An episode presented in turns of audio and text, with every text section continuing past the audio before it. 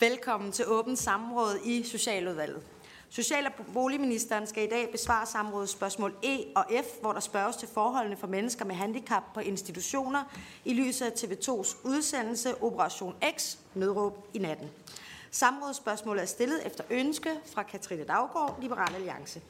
Inden vi går i gang, kan jeg oplyse, at Marlene Hapsø fra Danmarksdemokraterne og Nana W. Godfredsen fra Moderaterne er med på Teams. Nu vil jeg først give ordet til Katrine Daggaard for en motivering af samrådsspørgsmålet. Værsgo. Tak for det, Rosa, og tak til ministeren for at møde op her i dag. Vi har i årtier været vidne til den ene dokumentar efter den anden omhandlende omsorgssvigt fra de anbringelsessteder, bosteder og plejehjem, som burde tage sig kærligt af vores mest udsatte borgere. Den 1. november 2023 blev det Operation X's tur til at vise os virkeligheden. I to programmer, eller 64 ubærlige minutter, der tog Operation Exos med ind i den uhyggelige virkelighed, som de handicappede borgere på Lynghuset i København og Odinskov i Vojens lever i, i det, der er deres hjem. I Lynghuset så vi, hvordan TV2's muldvarp blev ansat efter tre korte spørgsmål og ni minutters samtale. Vi blev øjenvidner til hjælpeløse borgere, som skal have hjælp til det mest basale pleje, men som hverken fik mad, drikke, medicin, blæskift, bad eller aktivering, sådan som de skulle have det. Ikke fordi personalet havde travlt, eller fordi der var for få på arbejde, men fordi de, der var der, heller ville se Netflix og sludre om privatliv, end at tage sig af de mennesker, som de var ansat til at drage omsorg for. På Odinskov lyttede vi med på multihandicappet Mathias' frygtelige netter, hvor han hver nat og nogle nætter i timevis skreg på hjælp. Jeg har ondt i maven, sagde Mathias til en ansat. Nej, det har du ikke, Mathias. Du vil bare have, at jeg bliver hos dig, blev der svaret. Jeg har ader i blæn, forsøgte Mathias en anden nat. Ja, ja, jeg skifter dig senere, lød svaret. Og da Mathias ville ringe til sin mor for at søge trøst, blev han instrueret i at fortælle sandheden om, at han var glad og havde det godt. Ledelsen havde på begge bosteder modtaget bekymringsmail fra frustrerede medarbejdere, ligesom de i socialforvaltningen var vidne om, at der var problemer på bostederne. Derfor er det da heller ikke svært at se, hvor forrådelsen udspringer fra. Da selv ledelsen i udsendelsen blev taget i at lyve om beboernes virkelighed over for forældrene. Og det her leder mig til samrådsspørgsmålene. E. Vil ministeren redegøre for, hvilke initiativer regeringen agter at sætte i værk på baggrund af TV2-udsendelsen Operation X Nødråb i natten? F. Vil ministeren redegøre for, hvorvidt ministeren mener, at der på baggrund af TV2's udsendelse Operation X Nødråb i natten er behov for at undersøge, hvorvidt man kan sikre, at der bliver draget et ledelsesmæssigt ansvar i sager som dem, der bliver beskrevet i udsendelsen? Tak for det. Jeg giver nu ordet til Social- og Boligministeren for en besvarelse. Tak for det, og øh, tak for muligheden for at drøfte, øh, hvordan vi kan sikre, øh, at der er en værdighed, øh, men jo også en tryghed, øh, ikke mindst, øh, og også hvordan der er ordentlig kvalitet for de mennesker, der bor øh, på landets botilbud. Øh, det er to relevante spørgsmål, øh, som jeg er blevet stillet, og jeg vil forsøge at, at øh, besvare dem i forlængelse af hinanden. Øhm, og jo indledningsvis sige, at det er nogle af øh, de mest øh, horrible øh, lydoptagelser, jeg har hørt i mit liv. Jeg tror aldrig, jeg kommer til at glemme Mathias' skrig. Jeg tror, det var øh, nogle af 70 minutter, han skreg i træk, uden at der blev reageret på det. Øhm, jeg forstår ikke, hvordan man kan have øh, det menneskesyn, der ligger til grund i dokumentaren. Og jeg er meget enig i de betragtninger, der bliver sagt fra overførens side. Her er der jo ikke tale om, at der ikke er tid. Altså, det, på det ene af bostederne, der ser vi jo, at der er en, der sidder og ser Netflix i tre timer ud af sin vagt. Samtidig med, at der er en beboer, der sidder selvskadet. Og det vil sige, øh, vi skal også diskutere uddannelse, og vi skal også diskutere ressourcer, og vi skal også diskutere alle mulige andre ting.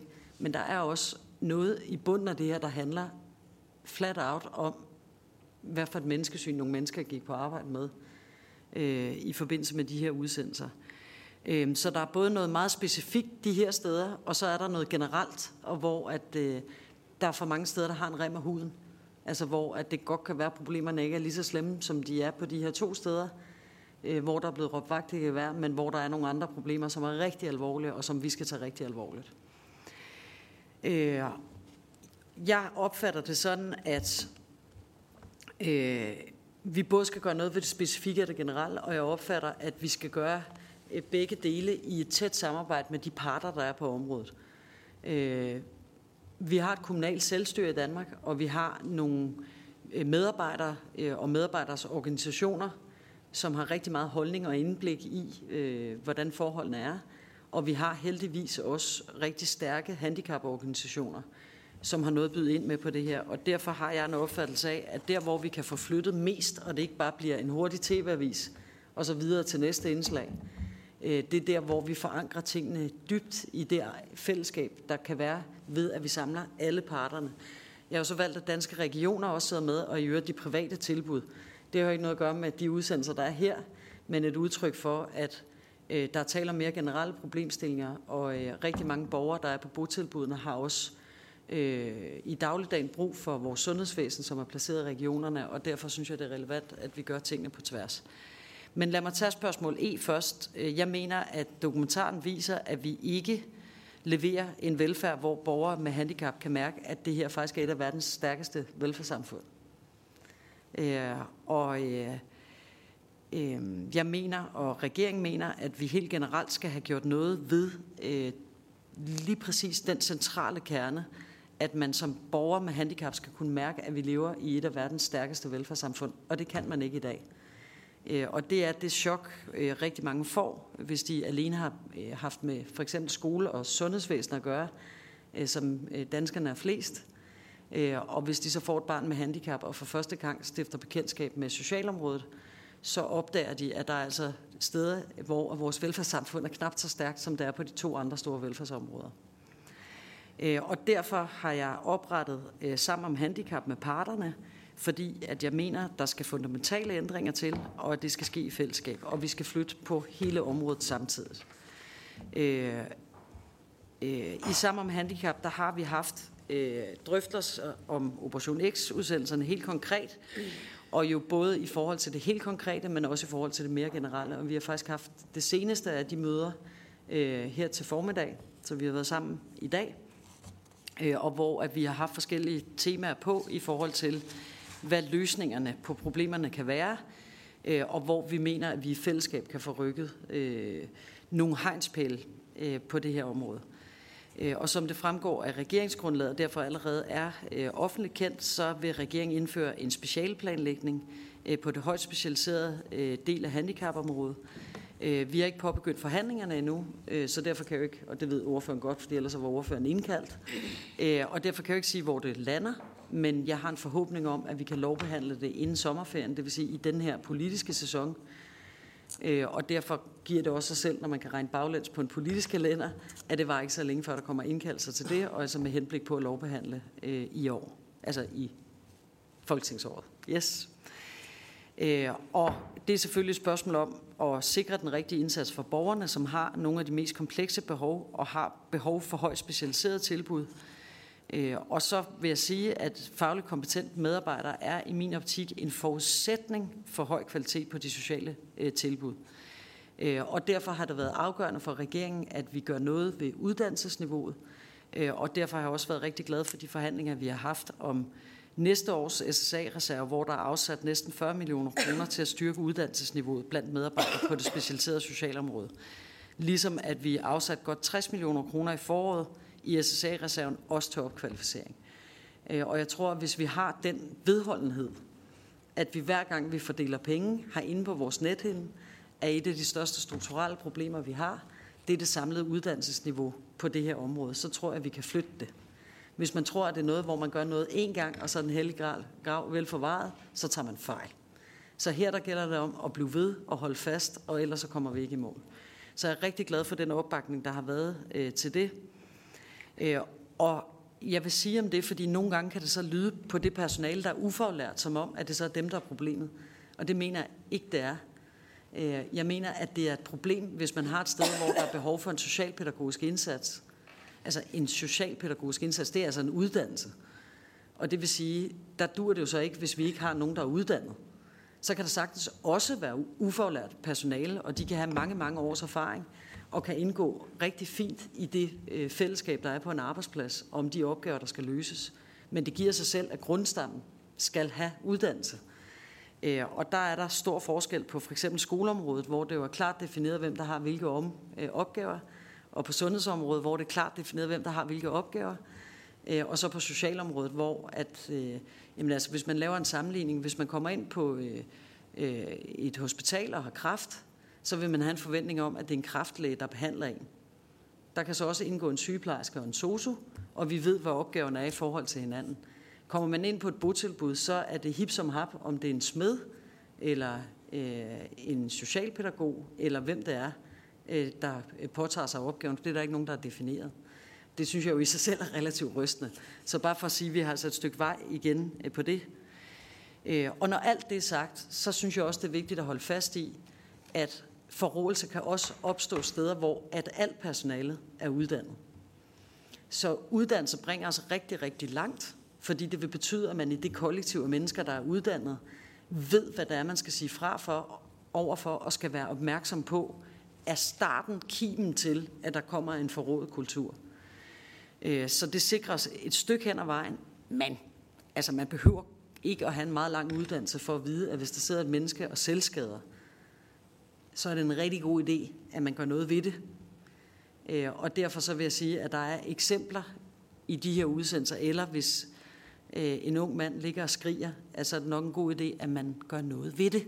Det behøver man ikke en lang uddannelse for. Og derfor skal vi også passe på at man stikker selv blå i øjnene og sige, at hvis bare vi uddanner, og det, at vi fra regeringens side sat de penge af, at det skulle så være svaret på det. Det tror jeg ikke på, det er. Jeg tror, det er en del af svaret på det, men det er ikke nok til, at vi får løst de udfordringer, der er. Så i forhold til de konkrete sager, så har øh, øh, ledelsen på de øh, tilbud, der er tale om, og de ansvarlige kommunalbestyrelser et utvetydigt ansvar. Et utvetydigt ansvar. Øh, og først og fremmest de to kommunalbestyrelser i København og Haderslev, som har ansvaret for driften af de to tilbud, og dernæst de to kommunalbestyrelser i henholdsvis Forborg Midtfyn og på Frederiksberg, som har ansvaret for de to socialtilsyn, som er relevante her, nemlig Socialtilsyn Syd øh, og Socialtilsyn Hovedstaden, som har ansvaret for at opdage og håndtere de sager, der ligger på deres områder. Og jeg har allerede inden dokumentarens første afsnit blev sendt anmodet om at få en redegørelse fra alle de fire kommuner, sådan så vi kan få oplyst sagerne fra alle sider. Og kommunerne har indsendt redegørelserne, og har, det har givet anledning til en række yderligere spørgsmål fra min side, som jeg afventer svar på nu, øh, og som jeg derfor i sagens natur ikke kan gå i detaljer omkring, øh, før jeg har fået. Så er der samme spørgsmål F. Øh, der vil jeg øh, fortsætte øh, med, der bliver spurgt til det ledelsesmæssige ansvar, og der skal jo igen slå fast, at når der er tale om kommunale tilbud, hvor ledelsen kritiseres, så er det de ansvarlige kommunalbestyrelsers ansvar, at der bliver truffet de nødvendige foranstaltninger fra kommunens side, øh, og det gælder jo også i forhold til øh, tilbudsledelse. Øh, kommunerne har flere greb i de sager, for eksempel at kalde til tjenestelig samtale, give en advarsel, eller i sidste ende jo afskedige den ledelse, der sidder hele eller delvist. Og i de to sager, der er tale om her, har ledelsen på tilbuddet og de ansvarlige driftsherrekommuner klart fejlet. Øh, og hvis de havde gjort det godt nok og havde grebet mere grundlæggende ind tidligere, så vil jeg tro, at vi ikke havde set de forfærdelige situationer, vi ser øh, i udsendelserne her. Haderslev Kommune har i pressen givet udtryk for, at de ikke har gjort det godt nok, fordi deres tiltag i forhold til Odinskov ikke har virket, og i pressen der fremgår det blandt andet, at der efter udsendelsen er blevet afskedet en medarbejder, og at kommunen er ved at afvikle tilbuddet, og i stedet vil oprette et nyt efter en inddragende proces, blandt andet med de pårørende. Københavns Kommune har i pressen erkendt ledelsesvigt på Lynghuset og, givet, og giver eksperterne ret i, at der er tale om omfattende omsorgsvigt. Øh, jeg mener, at en kompetent og tilstedeværende ledelse på tilbudene er en klar forudsætning for, at der er et ordentligt øh, en ordentlig kultur øh, og et ordentligt menneskesyn, og altså en kultur, hvor man faktisk møder mennesker med handicap med omsorg og med værdighed og med respekt og med faglighed og med den kvalitet, man kan forvente sig af et velfærdssamfund. Øh, ved siden af det står selvfølgelig, at vi fra centralt hold har et politisk ansvar for at sikre, at lovgivningen giver øh, ledelsen mulighed for at sikre, at rammerne på tilbudene er i orden, og det skal vi hele tiden være opmærksom på, og der kan I jo godt høre på det, jeg siger, at jeg synes ikke, at den lovgivning er i orden. Og derfor mener jeg også, at der påviler Christiansborg et ansvar, øh, både i forhold til de her to sager, men også i al almindelighed. Nu har vi talt om de her ulykkelige sager, Øh, men jeg synes også, at vi skal huske på, at ser vi på de undersøgelser, der er lavet om botilbudene, så er det faktisk hovedparten, der trives, heldigvis for det.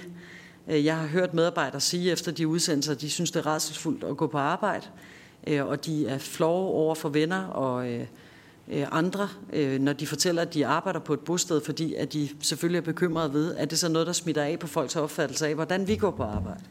Og derfor er det vigtigt for mig at sige, at vi har fået en, lavet en brugertilfredshedsundersøgelse tilbage i 2021, som viser, at øh, blandt voksne, som får øh, socialpædagogisk støtte i eget hjem, eller er på botilbud, eller botilbudslignende tilbud, at der er 80 procent af borgerne, Øh, der trives 80 procent af borgerne, mens øh, 8 procent oplever, at de i mindre grad eller slet ikke trives.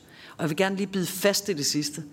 Fordi når jeg tager det her rigtig alvorligt, ikke, så er det fordi, jeg er glad for det med de 80 procent. Og derfor til alle de medarbejdere, der er de steder, hvor at borgerne har det godt, tusind tak for det. Og rank ryggen, I gør jeres arbejde godt. Men 8 procent er simpelthen for højt et tal. Altså det går jo ikke. Det er menneskers liv, det er deres hverdag, Øh, ser vi på området for øh, borgere med udviklingshæmning, så har 20 procent ingen relationer uden for deres botilbud. Ingen familie, ingen venner, ikke nogen, der kan tale deres sag. De er fuldstændig prisgivet det botilbud, de er på.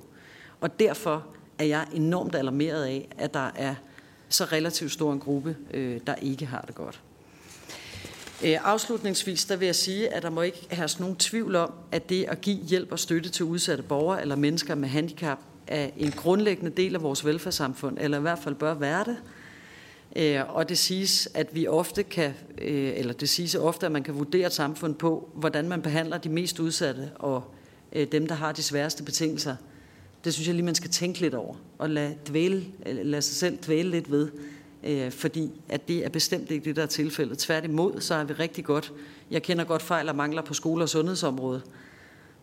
Altså, men der, hvor at den brede danske befolkning kommer, der er forholdene utrolig meget bedre, end der, hvor det ikke er den brede danske befolkning, der kommer. Og det synes jeg, vi skal tænke lidt over.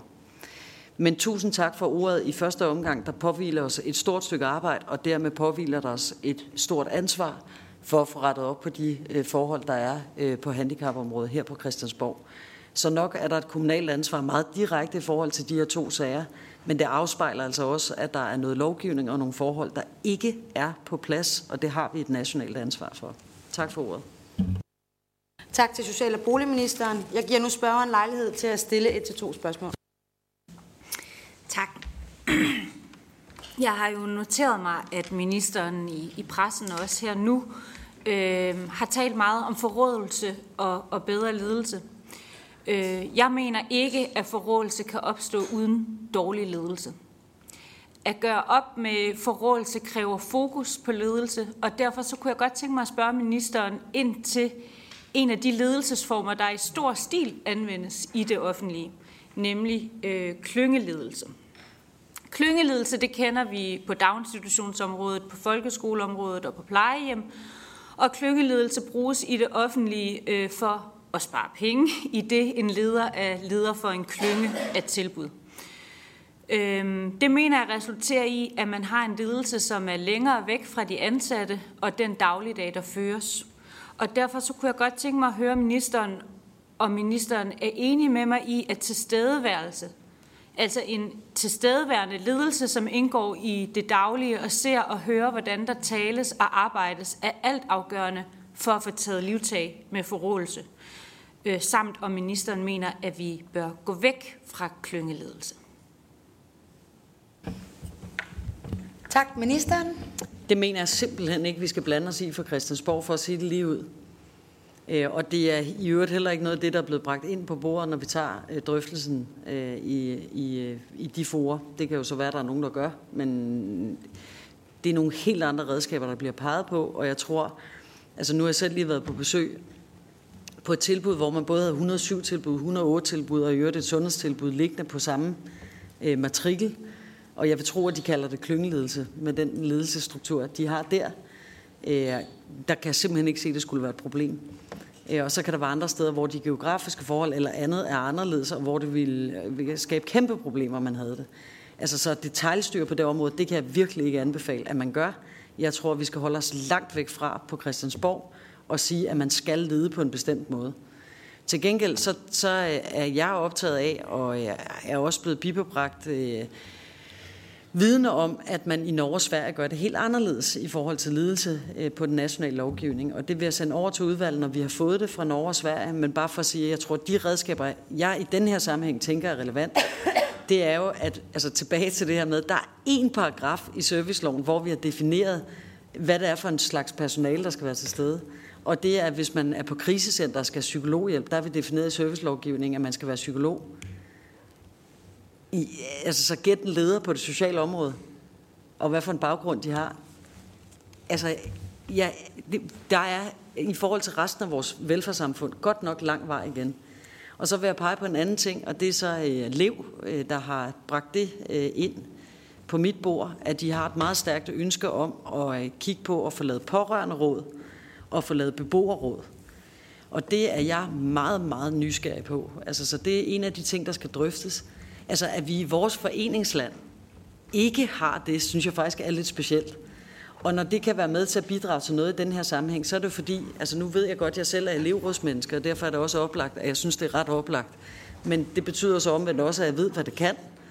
Og det, det kan, når man har forsamlinger af mennesker, der drejer sig rundt om den samme institution, det er jo, at man får øjnene op for, hvad er det, der går igen. Det vil jo konkret betyde, at forældre og pårørende øh, til de øh, beboere, der er et sted, vil finde ud af, at der sidder også nogle andre forældre i samme situation med et barn på det her sted, eller en ung eller en voksen på det her sted, øh, og oplever de samme udfordringer. Ellers så har man jo tendens til at tro, at det er en selv, der kæmper en kamp mod noget. Øh, og det er svært at ændre på ting, hvis man skal føre kampen alene. Hvorimod, hvis man løbende har styr på, hvad det der foregår, og hvad er vores kollektive oplevelse af, hvad der foregår på det her sted, så kan man også meget mere løbende gå ind og få fat om tingene. Og typisk der, hvor der kan ske forrådelse, eller hvor der i hvert fald er risiko for det, det er steder, hvor der er udskiftning i ledelsen, eller steder, hvor der er stor gennemstrømning af personale, og hvor man må sige, jamen har vi med bosted at gøre, så er der altså borgere, der er der et helt liv, og det vil sige, der vil pårørende også gå igen. Og det vil sige, der er nogen, der kan råbe vagt i gevær. Øhm, og som får blik for det hurtigere, end hvis ikke vi har det. Og så begriber jeg jo simpelthen ikke, at man ikke har beboerråd, fordi rigtig mange steder, der vil beboerne være fuldt i stand til at spille den rolle, hvis der ikke er kognitiv handicap eller lignende. Øh, og selv hvis der er tale om beboere, der har hjerneskade, eller som har øh, udviklingshæmning, som gør, at de ikke er så gamle op i deres hoveder, så har jeg jo altså haft med elevrådsbekendtgørelser at gøre, hvor der alt andet lige er børn helt ned til 5 år i 0. klasse. Og der er vi fuldt i stand til at definere, hvad er det, man på en eller anden måde skal indflydelse på i hverdagen. Så bare for at sige, at vi mangler jo nogle fundamentale strukturer omkring det her område, som er de sikkerhedsventiler, vi har på alt andet. Altså, der ville jo ikke gå tre dage fra, der var noget galt på en folkeskole, før at først så ville elevråd, øh, forældrebestyrelse, skolebestyrelse, alt muligt andet ville begynde at råbe vagt i gevær. Det ville lande på forsiden af politikken, inden man kunne nå blink med øjnene. Og det er jo fordi, vi har sådan nogle grundlæggende strukturer, som ikke er systemets strukturer, men som er dem, der er brugere af systemets strukturer. Det mangler vi. Så bare for at sige, jeg er ikke sikker på, at jeg synes, det er det rigtige svar at skulle gå ind og detaljregulere, hvilken ledelsesform der skal være. Men jeg er helt 100% sikker på, at vi skal ind og tale om, hvordan leder vi? Altså både, hvad er det for nogle ledere, vi har? Hvad er det for en baggrund, de har? Hvad er det for nogle kvalifikationer, de har? Hvad er det, vi forventer, de skal kunne? Hvad er det, vi forventer, de gør? Og så også, hvad er det, vi pakker det ind i er organisatoriske strukturer omkring dem. Tak. Tak. Og så et spørgsmål mere fra Katrine Daggaard. Tak. Ja, jeg er ikke helt enig i, at der ikke også er ret store øh, udfordringer for både øh, folkeskoleområdet og sundhedsområdet, men lad det ligge. Øh, jeg kunne godt tænke mig at spørge ind til Socialtilsynet. De har jo mulighed for at give ledere en slags karantæne i Socialtilsynslovens paragraf 14a, som blev aftalt tilbage i 2021 i aftale om styrkelse af socialtilsynet og styrkelse af det økonomiske tilsyn med sociale tilbud.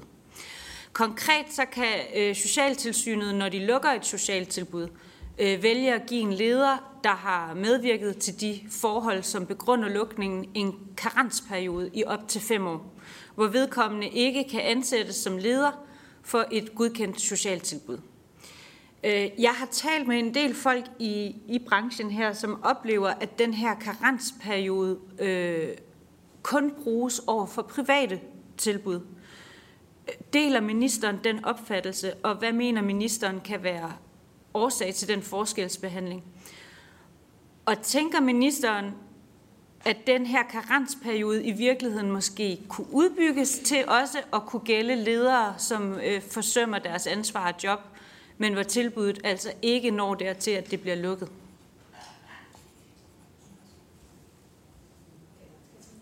Undskyld. Tak. Ministeren? Altså, man kan jo ikke have en opfattelse af, om noget er på en bestemt måde eller ej. Enten er det på en bestemt måde, eller også er det ikke på en bestemt måde. Altså, enten bliver den anvendt over for kommunale medarbejdere, eller også bliver den det ikke.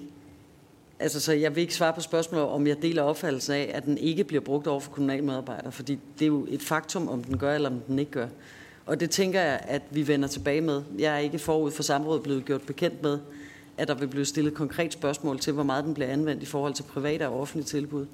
Men vil jeg selvfølgelig gerne afdække øh, og vende tilbage med tal for det ene og det andet. Øh, det synes jeg er helt relevant at gå ind og kigge på. Øh, og så har jeg hørt, og det er bare i forlængelse af det, altså, øh, der er nogle af parterne, som er optaget af spørgsmålet om det her med, øh, altså det har faktisk været nogle af de private aktører, der har været meget optaget af det her med etiske kodex. Det, bare i forhold til forrådelseskultur, synes jeg, der er noget i den sammenhæng, man også godt kan diskutere. Altså rigtig mange af de andre store fagområder har jo forskellige former for etiske kodex. Journalisterne har de presseetiske retningslinjer, øh, vi har lægeløftet, øh, advokatsamfundet har deres, altså og så videre, så videre, så videre. Altså så bare tilbage til, at vi mangler jo nogle grundlæggende kodex. Det gør vi simpelthen på det her område. Og derfor også bare til alle, der sidder her, fordi vi kommer til at skulle forhandle om de her ting. Øh, nogle af tingene relativt snart. Øh, at, at der, der synes jeg måske også, det var værd at kigge på, hvorfor er det egentlig, at vi ikke har en tættere øh, og klare, defineret opfattelse af, hvad er det, vi mener er rigtigt og forkert i den her sammenhæng. Altså fordi der er rigtig meget værdi inde i maven på det her også. Altså hvordan går man til mennesker? Hvordan ser man mennesker? Jeg er rystet over øh, de, den undersøgelse, som Danske Handicaporganisationer lige har fået lavet i forhold til, hvordan mennesker ser på andre mennesker, der har et handicap. Hold nu op hvor er der lang vej igen. Altså jeg håber ved Gud i himlen ikke, at vi rekrutterer medarbejdere for den del af den danske befolkning, øh, som, øh, og det, jeg tror det var 40 procent, øh, som øh, ignorerede mennesker med handicap, hvis de mødte dem på gaden. Altså, øh, der er jo også noget nede i maven på det her, der handler om, hvad er det for, hvad er det for en etik eller menneskesyn, eller hvad er det for værdier, man går ind i arbejdet med, og det er der jo også på ledelsesniveau. Tak for det.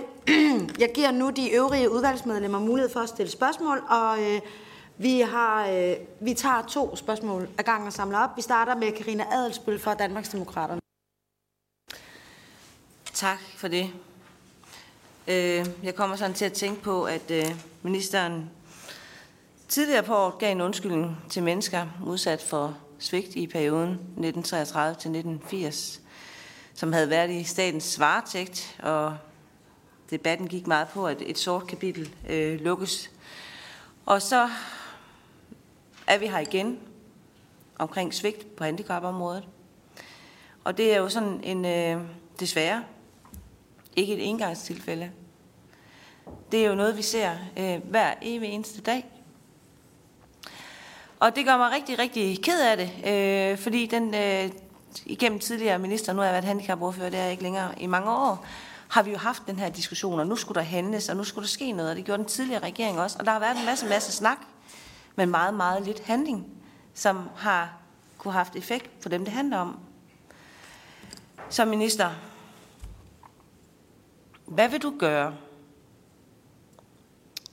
så du selv også kunne være tryg det ved jeg ikke, om du vil være. Vil du være tryg og kunne sove roligt om natten, hvis du havde en pårørende, der boede på sådan et botilbud, og hvad vil du gøre for at sikre det fremadrettet? Fordi det her, det kræver handling.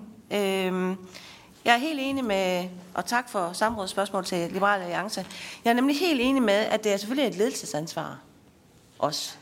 Øh, og en leder skal ikke sidde inde på kontor til, fra 7 til 13 øh, eller 7 til 15 og gå hjem. Det handler også om at være synlig ledelse og være der i weekender, aftener og natter, øh, nattevagter, så man jeg se, hvordan ens øh, personale arbejder.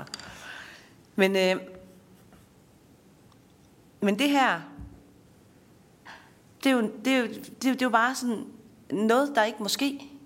Og hvordan vil ministeren kvalitetssikre, at de botilbud, så forældre, pårørende og andre, at, at de er gode. Altså, hvordan sikrer vi kvaliteten i selve botilbudene? Og det kunne jeg egentlig godt tænke mig at høre ministeren og, og tidligere minister og andre minister snakkede lang tid om specialplanlægning, og der kommer nogle forhandlinger, og man har snakket med parterne. Det gjorde man også i sidste regering, for der kørte de her også. Øhm, øh, socialtilsyn, ja, nu skal man lige, fordi det er også socialtilsynets ansvar, ja. Det er også det personlige ansvar, altså som menneske, når man er ansat og arbejder med sårbare mennesker. Øh, Øh, og så er det igen det med kommunalbestyrelsens ansvar. Okay, vi ved gang på gang, og det har vi diskuteret så mange gange, når der sker lovbrud, øh, det sker der også gang på gang, så har det ikke nogen konsekvenser. Vi ved, at øh, kommunalbestyrelsesmedlemmer kan pålægges tvangsbøder. Det, det bliver aldrig, aldrig gjort. Så hvis ministeren skal komme med sit bud på, og ministeren også øh, vil kunne sove trygt og, og roligt om natten, hvis ministeren havde en pårørende på et botil, hvad er det så præcis, ministeren vil gøre for at sikre kvaliteten i botilbuddet? Tak. Tak. Så vil jeg give ordet til Jon Steffensen uden for grupperne. Tak, og tak til ministeren. Jeg synes, at ministeren kommer ind på meget afgørende ting. Uddannelse og ikke uddannede. Jeg var i sommer til en fest, hvor vedkommendes kæreste, som var skolelærer, vi var holdt op med at skolelærer, ikke var til stede, fordi hun havde taget en weekendvagt på et plejehjem, og det gjorde hun sådan en gang om måneden, tog hun en weekendvagt, og så var hun ellers begyndt at være musiker ved siden af. Og det var nok til indtjening. For, og det siger mig noget om, at man kan gå ind på et plejehjem og næsten få et job i en weekendvagt, tjene rigtig mange penge, men man er jo ikke en del af en kontinuitet på den måde, og man er i hvert fald heller ikke uddannet, uanset hvor dygtig vedkommende var. Og jeg undrede mig på det tidspunkt over, at, at det var så let, og at, at der ikke var en større, øh, jeg kan næsten sige, øh, krav til, hvad er det for en uddannelse, man skal have for at være på et plejehjem. Så jeg tror, det er meget, meget vigtigt at sætte ind på det, at der er nogle retningslinjer, hvor mange er der på et plejehjem, der er uddannet, og hvor mange er ikke. Øhm, og så tror jeg altså, det er vores allesammens ansvar. Jeg er helt enig med ministeren i, at den måde, vi ser på handicappet i, i Danmark i 2023, er forkastelig. Det kan ikke nytte noget, at de kommer til at virke som en restgruppe, som noget skrammel, øh, og det gør jo, at de bliver, der ikke er så meget fokus på dem. Jeg ønsker mig to ting. Det er sammensætning af bestyrelser. Ministeren er selv inde på det, at så vidt jeg ved, sidder der ikke nogen pårørende i en bestyrelse på et plejehjem. Øh, jeg ønsker en langt større tilknytning til, at de pårørende, der har, apropos børn, pårørende, familiemedlemmer på et plejehjem, er en del af plejehjemmets bestyrelse eller på anden måde involveret i det. Og den sidste ting, jeg spørger ministeren om, nu er der jo jeg tror, der også trænges til noget konkurrence, om man kan sige det. Men i hvert fald, vi har jo smiley-ordninger og Trustpilot, og jeg ved ikke hvad, på alt muligt andet i vores samfund. Øh, og jeg kan sagtens se, at det kan være problematisk at begynde at rangordne med øh, plejehjem, men vi gør det jo med skoler, på hvilket øh, folkeskole, der har det bedste karaktergennemsnit, og hvor en skole falder under det gennemsnitlige karaktergennemsnit osv.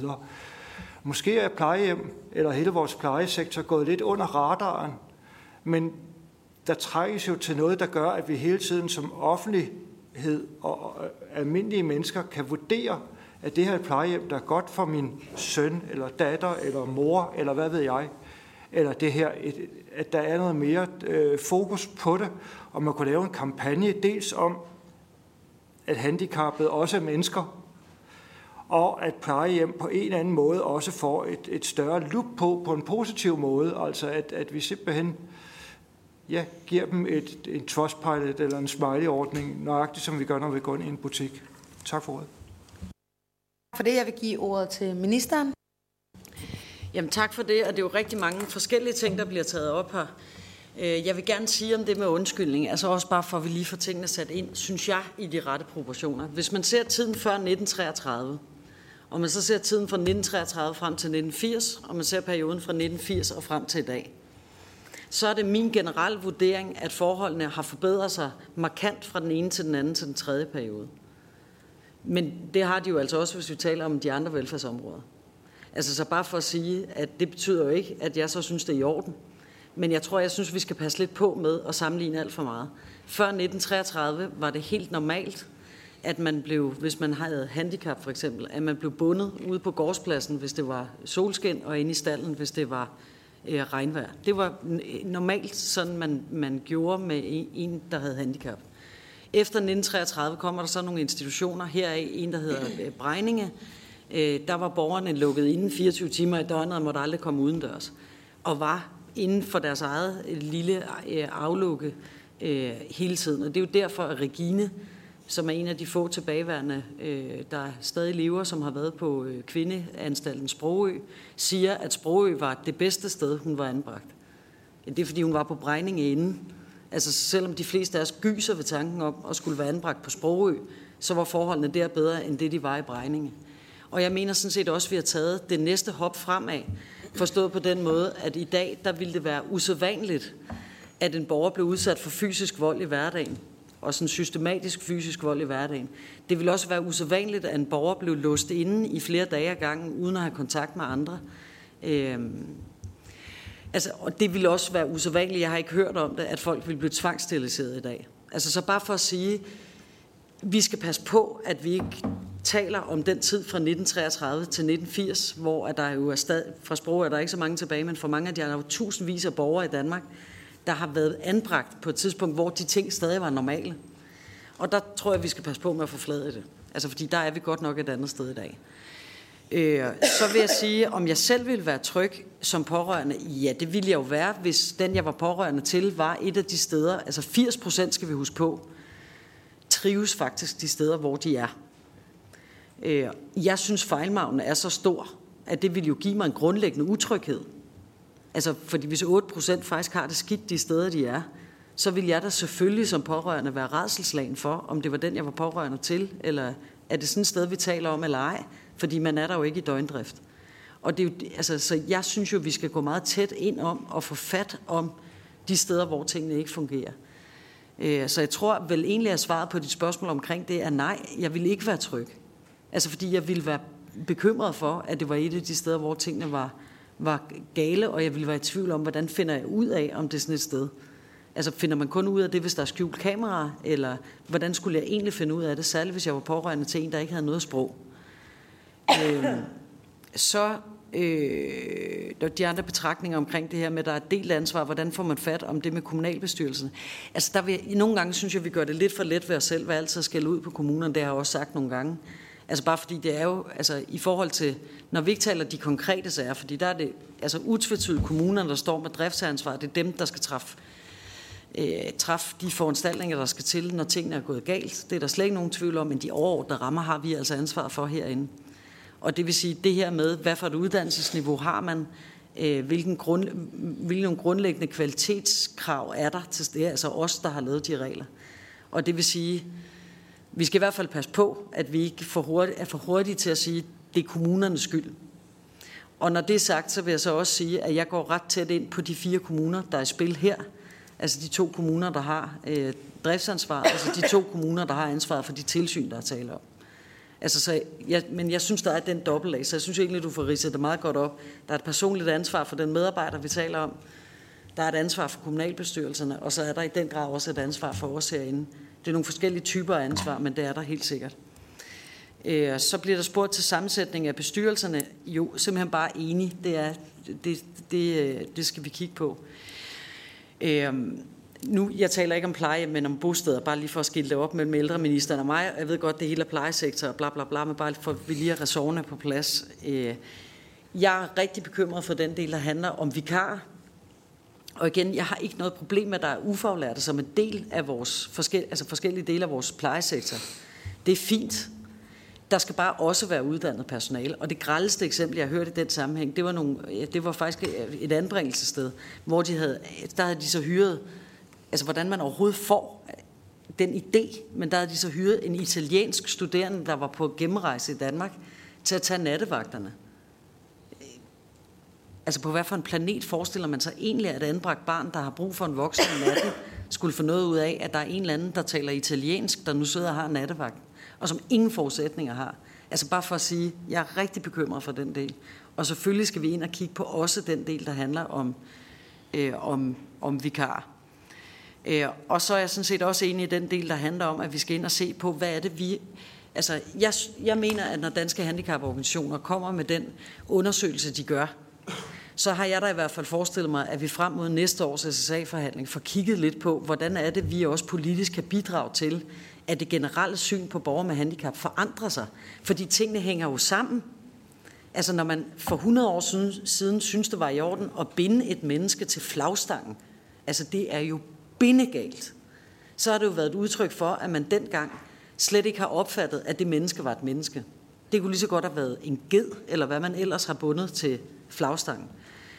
Øh, når vi i dag ser, at 40 procent af borgerne vil ignorere en med handicap, så er vi jo også et sted, hvor at når vi ser sådan på, hvad er det, der skaber forrådelsen, hvad skaber forrådelsen de her steder, er vi så helt sikre på, at det ikke også hænger sammen med det? Er det måske fordi, at der i befolkningen generelt er et, et lidt galt syn på mennesker med handicap endnu? Jo slet ikke lige så galt som tilbage fra før 1933, det er med på. Men jeg er rystet over øh, den undersøgelse, og derfor tror jeg, at der er noget, vi skal ind og have fat om. Om det er store samfundskampagne, eller hvad det er, det kan I jo være med til at byde ind på. Vi sidder jo alle sammen og forhandler om, hvordan vi gør med de, øh, de midler, der er der. Men jeg synes, det er oplagt. Så tak for det bud ind øh, også.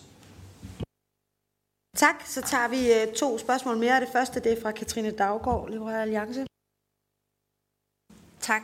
Jeg, jeg, jeg forsøgte egentlig før at spørge ind til konsekvenser, øh, og det er jo noget, vi ofte er uenige i, om der skal være større konsekvenser øh, på det specialiserede socialområde. Det har vi i hvert fald været øh, indtil flere gange nede i salen. Så nu prøver jeg at spørge ind på en anden måde. I de seneste år her, der har vi jo set utallige dokumentarer, altså på en lang række forskellige områder, som jo tilsammen viser, at der er en komplet mangel på omsorg over for mennesker, som er fuldstændig afhængige af den pleje, som de får. Jeg kan huske øh, dokumentaren øh, fra Strandvinden i Nyborg, som også handlede om handicappede. Jeg kan huske øh, børnene fra daginstitutionerne i København øh, i bag facaden.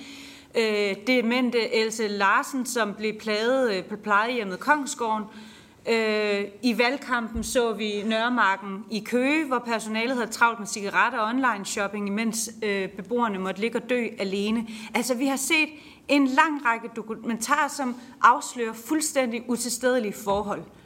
Og fælles for de her sager, der er det, at det aldrig får personalemæssige konsekvenser. Og hvis nogen for alvor bliver problematiseret, af det her afslørede system, så er det hvorvidt, at det er ansvarligt at bringe afsløringerne med skjult kamera. Mener ministeren, at vi har et generelt problem med, at der aldrig bliver pla- placeret personalemæssigt ansvar over for personale og ledelse, når de her grove svigt dokumenteres? Øh,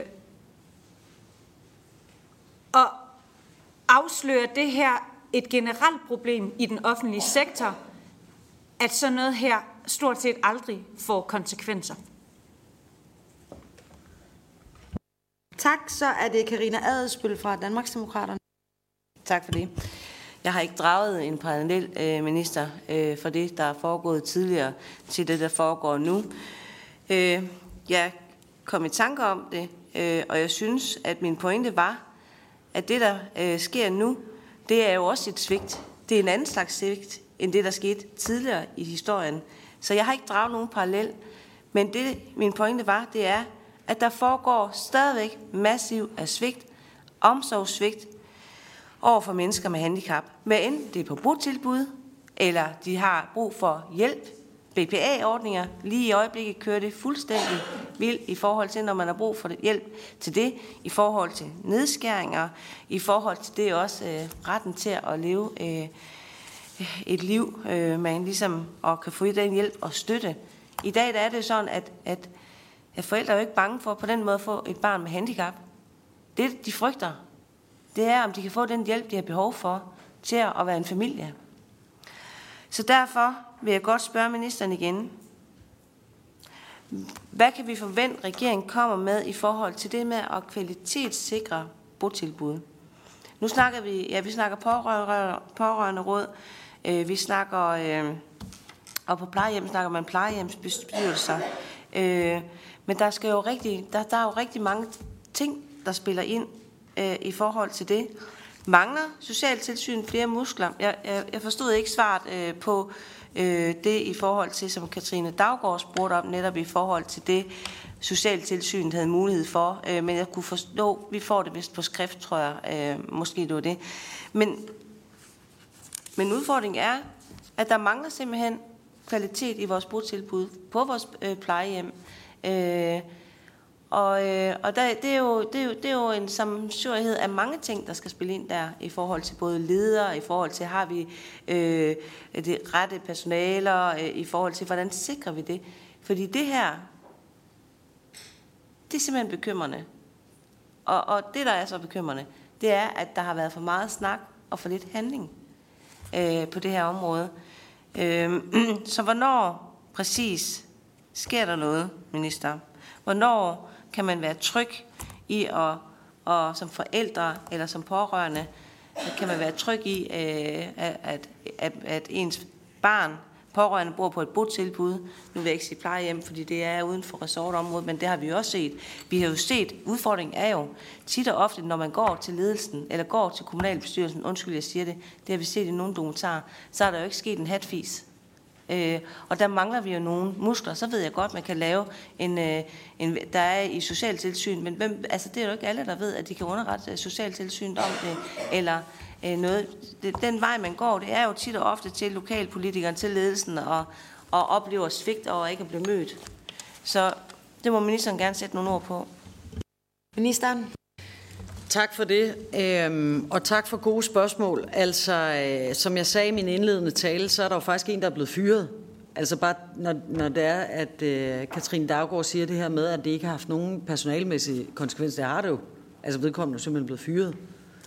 Øh, og så har jeg udbedt mig redegørelser, og det vil sige, det kan jeg vende tilbage med på et senere tidspunkt, men jeg kan i hvert fald konstatere, at de ting, der også er offentligt kendt, at det har haft personalmæssige konsekvenser. Øh, om det så er nok, eller hvad der er, men, men jeg tror måske alligevel, jeg synes, det er gået lidt langt. Altså, fordi det kommer næsten til at lyde som om, at det ikke har haft det overhovedet. Og det har det jo. Der er simpelthen nogle mennesker, der ikke igen har skulle møde op på arbejde, fordi de opfører sig på en måde, som man har opfattet som værende øh, helt galt. Øh, og så... Øh, øh, så vil jeg sige, nu blev jeg bare lidt distraheret det her, øh, da der var en af de forfærdelige dokumentarer, som lå, mens jeg var undervisningsminister, og derfor får jeg lige den op. Jeg har ikke haft ansvar på noget tidspunkt for ældreområdet, og det vil sige, der har jeg godt set udsendelserne, men jeg har ikke siddet nok ned i det, så det kan jeg ikke svare på. Men i hvert fald i forhold til den ene af de forfærdelige udsendelser, der var på mit område, der sad på børne- og undervisning, der havde det jo også personalmæssigt omkring. Altså, der blev folk jo også fyret. Altså, så bare for at sige, at jeg opfatter ikke, at det er sådan, at en medarbejder øh, bliver taget i at opføre sig på den her måde, hvor efter vedkommende bare kan fortsætte med at være ansat i sin stilling. Sådan opfatter det ikke. Men derfra til at sige, at konsekvenserne så har været stærke nok, altså er der sket nok, har konsekvensen været hård nok i forhold til alle mulige andre ting, der synes jeg, der er meget lang vej igen. Men jeg vil nødig her, at folk sidder tilbage med sådan en fornemmelse af, at man kan gå på arbejde og opføre sig på den måde, vi ser i de her udsendelser, uden at det skulle betyde, at man blev fyret. For det, det har jeg trods alt så gode endnu at se, at man skulle kunne.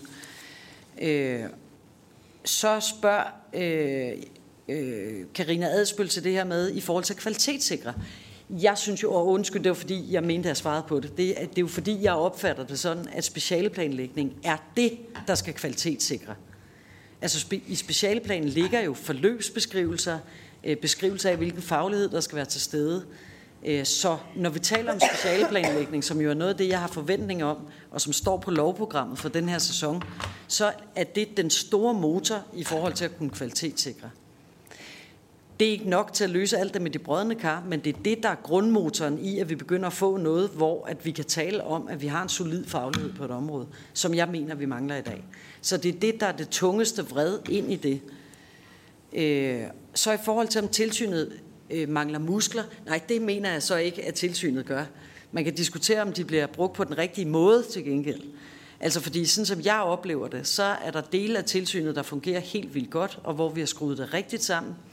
Og så er der altså også noget, hvor jeg simpelthen må tage mig til hovedet over, hvor mange timer man bruger som medarbejder på at sidde og, øh, og, og udfylde alt muligt, fordi at tilsynet har været på besøg. Og til gengæld så lykkes det så ikke at fange der, hvor at der er de rigtig store problemer.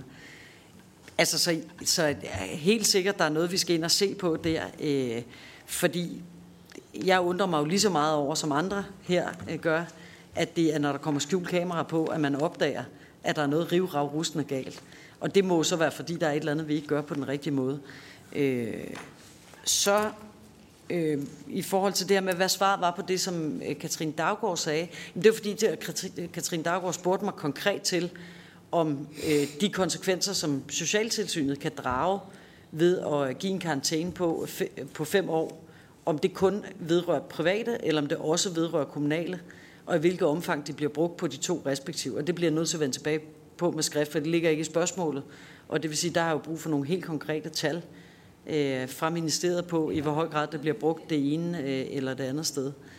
Øh, men jeg vil selvfølgelig gerne være med til at se på, øh, altså så hvis det er ting, hvor der også er et politisk ønske, og ikke bare et ønske om at få et notat over med nogle tal, øh, så er det et tilsavn. Selvfølgelig vil jeg gerne være med til at kigge på, hvad konsekvenserne også af, at man øh, gør forskellige ting. Jeg har selv været med til at indføre diverse paragrafer, hvor der er blevet strammet op, og det har jeg synes har været relevant de gange, øh, og lad os, lad os endelig også se på det. Øh, ja, det tror jeg var svar på de spørgsmål, der kom i den her runde. Tak for det. Jeg vil nu give ordet til Katrine Daggaard for en afrunding. Tak. Jamen, øh, jeg håber også, at ministeren kunne være interesseret i, at vi kunne kigge på, om, om man kunne udbygge det. Øh, for det, det synes jeg nemlig ikke rigtigt, jeg fik øh, svar på.